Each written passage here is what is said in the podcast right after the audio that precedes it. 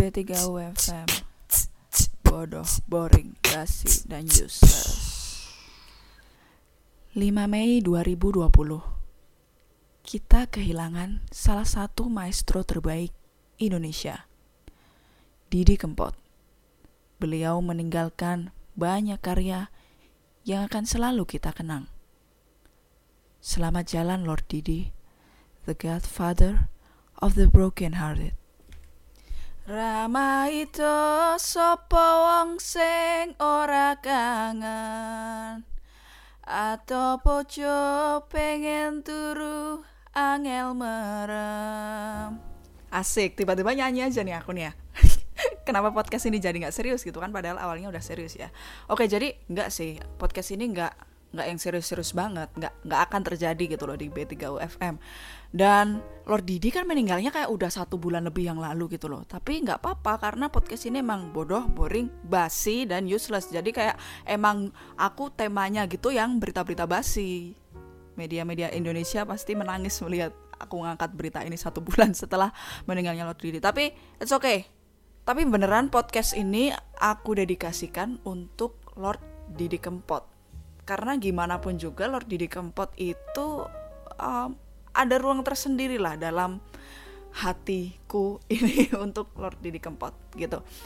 Salah satu buktinya tadi tuh aku ganti part rap dengan part nyanyinya lagu Didi Kempot, lagu favoritku. Lagu Didi Kempot yang bener-bener favoritku banget. Walaupun suaraku nggak begitu bagus ya kak apa ya, yang penting itu menunjukkan betapa ada benar-benar ada ruang tersendiri buat Didi Kempot dalam hatiku gitu nah berita meninggalnya Didi Kempot ini jadi um, sensasi ya. Maksudnya jadi jadi berita yang sangat mengagetkan karena benar-benar um, tiba-tiba gitu loh. Dan yang lebih bikin kaget lagi karena waktu Didi Kempot ini sekarang-sekarang ini kan lagi bener-bener booming boomingnya banget gitu. Walaupun sebenarnya Didi Kempot sendiri kan berkarya udah lama ya dari 90-an 80-an pokoknya aku aku bayi gitu kayaknya udah laguku tuh bukan Twinkle Twinkle Little Star tapi stasiun balapan gitu loh nah dan oh ya gini nih aku ini kan orang Solo nih aku orang Solo dan buat orang Solo Didi Kempot itu pasti punya tempat tersendiri di hati kami orang Solo gitu loh. Lagu Didi Kempot itu udah kayak original soundtracknya kehidupan kami gitu loh. Jalan-jalan ke mana-mana makan di warung nyetel lagu Didi Kempot. Ke kondangan yang diputar lagunya Didi Kempot. Acara halal bihalal pun yang diputar tuh bukan lagu Maher Zain. Insya Allah, insya Allah bukan. Tapi jambu ala sekulite hijau at least itu diputer waktu acaranya udah selesai. Paling enggak itu akan diputer di acara halal bihalal waktu acaranya udah selesai. Jadi tetap akan ada sentuhan di Kempot di setiap acara orang Jawa orang Solo. Dan lagunya Didi Kempot ini universal gitu loh. Nggak cuman orang dewasa aja yang nyanyi anak-anak pun nyanyi gitu loh. Jangankan yang SMP anak-anak TK pun nyanyinya Didi Kempot gitu loh di Solo. Dan bahkan tuh bisa jadi tren di sekolahan. Anak SD gitu kadang tren musiknya tuh yang lagi nge-tren di sekolahan tuh lagu Didi Kempot waktu aku SD nih di Solo. Gitu. Uh, padahal kan lagunya Didi Kempot ini lagu tentang cinta ya. Maksudnya kadang ada yang um, sakit hati ada yang ditinggal pasangan ada yang tentang kerinduan terhadap pasangan yang udah lama um, pergi tapi nggak balik-balik. Tapi anak-anak tuh nyanyi lagu ini gitu loh di Solo. Dan ada satu cerita nih yang sekarang kan udah gede jadi ngerti artinya ya. Maksudnya ngerti arah lagu ini gitu loh. Tapi waktu dulu aku kecil nih aku TK katakanlah 4 tahun lah ya di Solo. Lagi ngetren oh nggak TK sih mungkin kekecilan kali ya TK ya. SD kayaknya SD kelas 1 atau kelas 2 ngetren banget lagu di Solo itu di sekolahan nih. Lagu di Kempot yang judulnya Cucak Rowo. Jadi liriknya itu gini. Manu e manu e cucak rowo. Artinya ya burungnya burungnya cucak rowo. Terus lanjutannya cucak rowo dowo buntute cucak panjang buntutnya. Buntute sing akeh wulune um, buntutnya yang banyak bulunya. Yen digoyang ser ser aduh eh kalau digoyang ser ser enak banget gitu. Waktu kecil aku nyanyi itu kenceng kenceng kayak Manu eh Manu eh cucak sambil mainan sama teman-temanku dan setelah selesai aku nyanyi tetanggaku ibunya temen mainku bilang hus jorok wes gak usah nyanyi yang kayak gitu di situ aku bertanya-tanya kenapa jorok aku kan cuma nyanyi lagu yang menceritakan anatomi burung cucak rowo. Dia berbuntut panjang dan berbulu. Dia suka goyang-goyang gitu loh. Dan kalau goyang-goyang kita enak liatnya. Apa yang salah dari lagu itu? Waktu kecil dulu aku nggak ngerti gitu loh. Kenapa lagu itu jadi nggak boleh nyanyi? Aku bingung. Nah, nah setelah dewasa ya kita jadi yang ngerti lah kita sekarang kan apa burung yang panjang yang berbulu dan kalau digoyang serenak gitu loh ini nggak jorok loh ya maksudnya ya bener tadi pemikiranku tadi bener cuman yaudahlah kita tinggalkan topik ini oke okay? nah gitu tuh anak-anak di di Solo waktu zaman kecil itu kayak familiar sebegitu familiarnya dengan lagu-lagunya Didi Kempot. Karena emang beneran di mana-mana diputer dan semua orang ngerti lagunya gitu loh. Ngomong-ngomong tentang anak-anak dan lagunya Didi Kempot jadi selain jadi tren karena lagunya lagu Didi Kempot ini bisa jadi tren di kalangan anak-anak Solo karena dia bisa dipakai untuk saling ledek Misalnya nih lagu Stasiun Balapan, di situ ada liriknya yang umpamane kowe wes mulyo. Nah, di situ setelah lirik itu, anak-anak pasti akan teriak Mulyono ke arah anak yang bapaknya namanya Mulyono di titik itu aku benar-benar bersyukur kepada Tuhan bahwa bapakku namanya bukan Mulyono. Pulang aku langsung mencium tangan ayahku sambil berkata, "Ayah, terima kasih, namamu bukan Mulyono." Kalau nggak akan dibully habis-habisan karena karena nama ayah kita Mulyono dan lagu Stasiun Balapan ada lirik seperti itu. Astaga. Didi Kempot itu juga jadi ikonnya orang Solo ketika kita pindah ke daerah lain. Misalnya nih, aku nih kan dari Solo nih aku kuliah di Jogja aku kuliah di Jogja kemudian aku kerja di Jakarta nah setiap kali aku berpindah domisili dan berkenalan dengan orang baru kayak eh dari mana kamu? Kemudian aku bilang aku dari Solo gitu kan. Pasti orang nggak pasti sih cuman ada beberapa orang yang um, kayak waktu kita bilang asal dari Solo terus dia bilang oh jadi Kempot itu lagunya ya? Stasiun balapan ya? Bener ya? Bener ya? Awalnya aku kayak ih keren juga nih Solo nih. Kayak wah gara-gara Didi Kempot jadi orang-orang pada ngerti nih awalnya seneng gitu kan Cuman lama-lama kesel juga, apalagi kalau disuruh nyanyi, apalagi kalau orang kita ajak kenalan bilang, "Eh gimana gimana lagunya coba nyanyi." Kenapa saya harus nyanyi lagu stasiun balapan di depan Bapak yang saya baru kenal hari ini?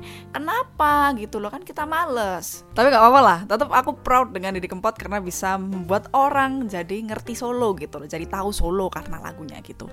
Ngomong-ngomong tentang ikon daerah, Lord Didi juga hobi banget bikin lagu yang mengandung lokasi di suatu daerah. Gimana ya? Tempat ikonik di suatu daerah. Ngerti nggak? Misalnya nih seperti tadi stasiun balapan itu di Solo kan. Jadi tempat dan dia kan lagu-lagunya kan tentang kesedihan perpisahan gitu ya. Jadi kayak dia pisahnya di stasiun balapan. Lagu stasiun balapan kalau kalian nyanyi sekedar nyanyi dan nggak ngerti artinya ya.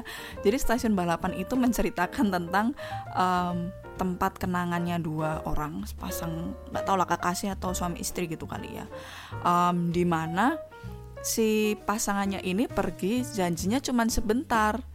Katanya nggak sampai sebulan tapi ternyata kok lama nggak balik-balik gitu loh. Terakhir ketemunya di stasiun balapan itu gitu. Nah stasiun balapan terus lagu lain yang ada tempatnya yaitu adalah Pantai Kelayar. Pantai Kelayar kemudian ada lagi nih Tanjung Mas Ninggal Janji. Nah itu di apa namanya pelabuhan. Dermaga Tanjung Mas apa sih dermaga ya? Pelabuhan ya bener ya? Tanjung Mas. Ada lagi nih ada lagi yaitu adalah Terminal Tirtonadi. Terminal Tirtonadi itu terminalnya di Solo gitu loh. Ini juga ada lagunya di Kempot kalau kalian mau nyari nih. Terus Parang Tritis, Pantai Parang Tritis. Oh ya, selain di judulnya ya, kalau lagu-lagu yang tak sebutin tadi kan yang memang judulnya mengandung uh, suatu tempat gitu loh di, di suatu daerah gitu.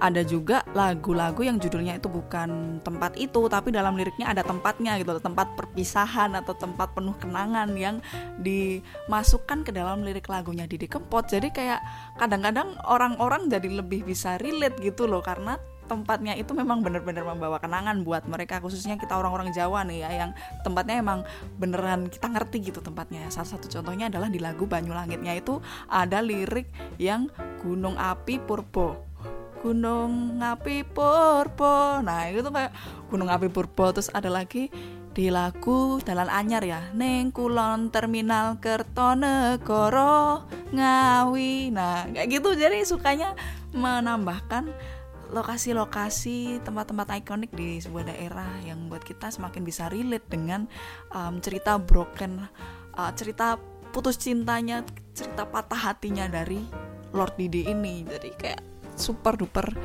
suka banget sih aku dengan lagunya Didi Kempot gitu. Terus nih satu hal yang perlu menurutku untuk diluruskan ya, terutama untuk teman-temanku yang um, di bukan orang Jawa gitu ya mungkin nggak ngerti bahwa Didi Kempot ini bukan penyanyi dangdut gitu loh. Sometimes ada orang yang bilang kayak Didi Kempot penyanyi dangdut nih lagunya lagu-lagu Didi Kempot itu lagu-lagu dangdut. Padahal tuh bukan. Lagu-lagunya Didi Kempot itu lagu campur sari. Walaupun campur sari itu bisa bisa jadi lagu campur sari itu adalah campuran dari um, lagu katakanlah lagu keroncong dengan lagu dangdut gitu bisa. Pokoknya campur sari itu lagu campur-campuran. gak jelas. Intinya ya bisa jadi bisa jadi campuran antara ada dangdutnya tapi sebenarnya Didi Kempot itu penyanyi campur sari bukan penyanyi dangdut. Wes ngono lah intinya lah ya. Dan lagu-lagunya juga lagu-lagu campur sari bukan lagu-lagu dangdut Coba kalian bandingin aja deh penyanyi dangdut katakanlah yang terkenal siapa ya Inul Daratista. Kalian dengerin lagunya Inul Daratista para penonton bapak-bapak ibu-ibu semua yang ada di sini itu atau lagunya Uut Permatasari gitu ya. Bandingkan dengan lagunya Didi Kempot. Pasti kalian ngerti perbedaannya lagu dangdut dan lagu campur sari. Walaupun tadi aku udah bilang bahwa bisa jadi lagu campur sari itu mengandung unsur dangdut juga gitu. Tapi pada dasarnya Didi Kempot adalah penyanyi campur sari. Begitu. Terus nih, seperti yang aku udah bilang tadi, Didi Kempot ini kan debutnya udah lama banget ya. Ah, debut kayak K-pop idol aja ya. Didi Kempot ini kan mulai berkarya sudah lama dan aku juga sudah tahu Didi Kempot bahkan dari Orok mungkin aku udah dengerin lagu Didi Kempot di dalam perut ibuku gitu loh. Dari kecil udah nyanyi Didi Kempot cuman baru ngetren belakangan ini gitu loh sejak kapan ya? lima berapa tuh tiga tahun empat empat empat tiga, tiga empat tahun kali ya belakangan ini dan ngetrennya itu nggak cuman di Solo. Kalau lagunya itu ngetrennya di Solo atau katakanlah di Jawa lah ya itu udah biasa karena emang kadang kayak ada lagu baru terus ngetren gitu di tempat kami gitu loh. Tapi ini ngetrennya bener-bener se Indonesia coy. Bahkan anak-anak Jakarta yang ngomong gue lo yang ngomongin kita mendok dan suka ngomongin kemendokan kita ini mereka ikut-ikutan nyanyi bahasa Jawa coy. Di situ aku bingungnya karena yang pertama orang-orang itu ngerti arti lagunya nggak sih gitu. Maksudnya apakah mereka nyanyi itu ngerti? Dan mungkin mereka nyanyi itu juga ngomongnya salah gitu loh. Kowe karo aku emang gimana ya? Aku bayangin orang Jakarta nyanyi lagu di Kempot tuh agak um, ya sama lah kayak kalian kalau dengerin kami orang Jawa ngomong bahasa Indonesia tapi mendok sama halnya dengan kalian eh kami orang Jawa mendengarkan kalian ngomong bahasa Jawa tapi logatnya nggak medok gitu uh, aneh buat kami gitu Nah, aku di situ bertanya-tanya kenapa nih bisa terkenal sampai se Indonesia gitu loh. Bahkan yang orang-orang nggak ngerti cara ngomongnya lagu itu, cara baca liriknya, nggak ngerti arti lirik lagu tersebut. Dan bener-bener boomingnya itu bener-bener Wow, bahkan Ardito Pramono pun kalah dengan Didi Kempot, coy. Pamungkas saja kalah. Pamungkas Ardito Pramono nggak semua orang suka, tapi Didi Kempot kayak semua orang jadi ambiar gitu loh belakangan ini gitu loh. Padahal itu tadi bahasa kita beda dan um, dari aliran musiknya juga beda banget lah dengan um, aliran-aliran musik yang pernah tren sebelumnya gitu. Tapi setelah aku pikir-pikir lagi ya, kayak aku ini kan K-popers juga ya aku kalau ke dengerin lagu K-pop tuh juga nggak ngerti cara ngomong liriknya bagaimana dan nggak ngerti artinya. Bahkan kadang satu lagu tuh kayak bener-bener nggak ada ide itu lagunya tentang apa gitu loh. Gitu terus aku mikir lagi nih kadang aku mikir gini dengerin lagunya yang instrumen gitu lagu-lagu instrumen kayak lagu-lagunya Dave Koz atau lagu-lagunya Yiruma gitu kan nggak ada liriknya ya kita cuma dengerin musik gitu loh. Dari situ aku mikir bahwa musik itu nggak ada bahasanya gitu loh. Nggak ada bahasa Jawa nggak ada bahasa Korea. Yaitu bahasa musik gitu loh. Dan penyampaian informasinya ya dengan musik gitu loh. Bukan dari liriknya itu bahasa apa. Tapi beneran bahasa musik. Gila keren banget ya. Keren banget ya. Kalian masih mikirnya ini nggak serius tapi ternyata ini aku memberikan quotes quotes keindahan. Wow ya tapi bener gitu loh. Kayak um, populernya Didi Kempot ini semakin menunjukkan bahwa musik itu ya bahasanya bahasa musik gitu loh. Makanya jangan kalian lah ngejek-ngejek orang yang suka Korea karena itu juga selera musik orang. Dan um, yang lebih aku bikin apa ya aku tersentuh juga sih sebenarnya dengan ketenaran Didi Kempot ini. Sehingga dia membawa budaya orang Jawa, membawa lagu-lagu Jawa, membawa bahasa Jawa menjadi familiar untuk orang-orang Indonesia gitu loh yang dulunya dibilang kampungan. Dari dulu tuh aku suka banget lagunya Didi Kempot tapi kadang malu untuk mengakui suka Didi Kempot karena takut dikira kampungan sumpah. Sampai kuliah pun kuliah awal-awal tuh aku kayak orang-orang lain dengerinnya lagu K-pop aku tetap dengerin ya kayak lagu-lagu apa sih yang ngetren kita Ed Sheeran gitu kali ya apa Ariana Grande gitu kali ya. Tapi aku tetap dengerin lagunya Didi Kempot. Aku tetap mencuci dengan mencuci baju mengucek baju-bajuku untuk kuliah. Itu dengan background lagu Tanjung Mas Ninggal Janji gitu loh. Atau Neng Parang Tritis gitu loh. Tapi aku malu kalau mau ngakuin ke teman-temanku. Tapi dengan apa namanya di Lord Didi yang mengangkat pride-nya campur sari dan lagu bahasa Jawa ini aku benar-benar super proud dengan budaya ini gitu. Jadi jadi nggak malu lagi kalau mau ngomong suka um, lagu-lagu kayak gini. Bahkan jadi tren gitu loh kayak orang malah ngomong keren gitu loh ketika kamu suka Didi Kempot malah jadi keren gitu loh. Kamu jadi sobat ambiar kamu jadi sad boy jadi sad girl berarti kamu keren gitu. Nah gitulah. So, intinya selamat tinggal Lord Didi. Bener-bener kaget semua orang. Um, dan karya-karya Didi Kempot ini aku selalu suka semua lagunya.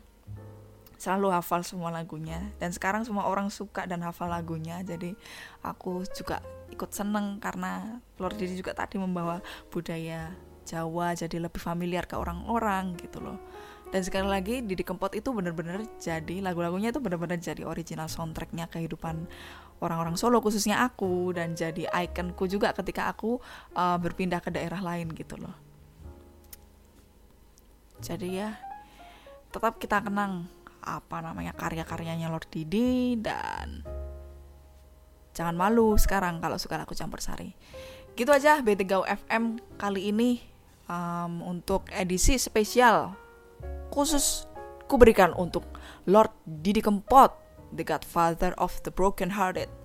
Wow, semoga bisa mengisi waktu gabut kalian ya. Semoga bisa mengisi waktu luang kalian karena emang nggak ada manfaatnya kan. Sampai dengerin sampai di sini nggak ada manfaatnya kan. Emang emang gini podcastnya emang nggak ada nggak ada nggak ada tujuannya gitu nggak ada yang menambah kecerdasan kalian tuh nggak ada gitu loh cuman ya kita sama-sama mengisi waktu luang. Aku mengisi waktu luang dengan membuat podcast, kalian mengisi waktu luang dengan mendengarkan podcast yang tidak berguna ini, oke? Okay? Nah, gitu aja cukup. Nanti selanjutnya bahas apa lagi ya, harus mikir lagi nih. Udahlah, gitu aja. Terima kasih sudah mendengarkan. Sampai jumpa di episode selanjutnya B3U FM, podcast yang bodoh, boring, basi, dan useless. Matur nuwun. B3U FM. Bodoh, boring, basi, dan useless.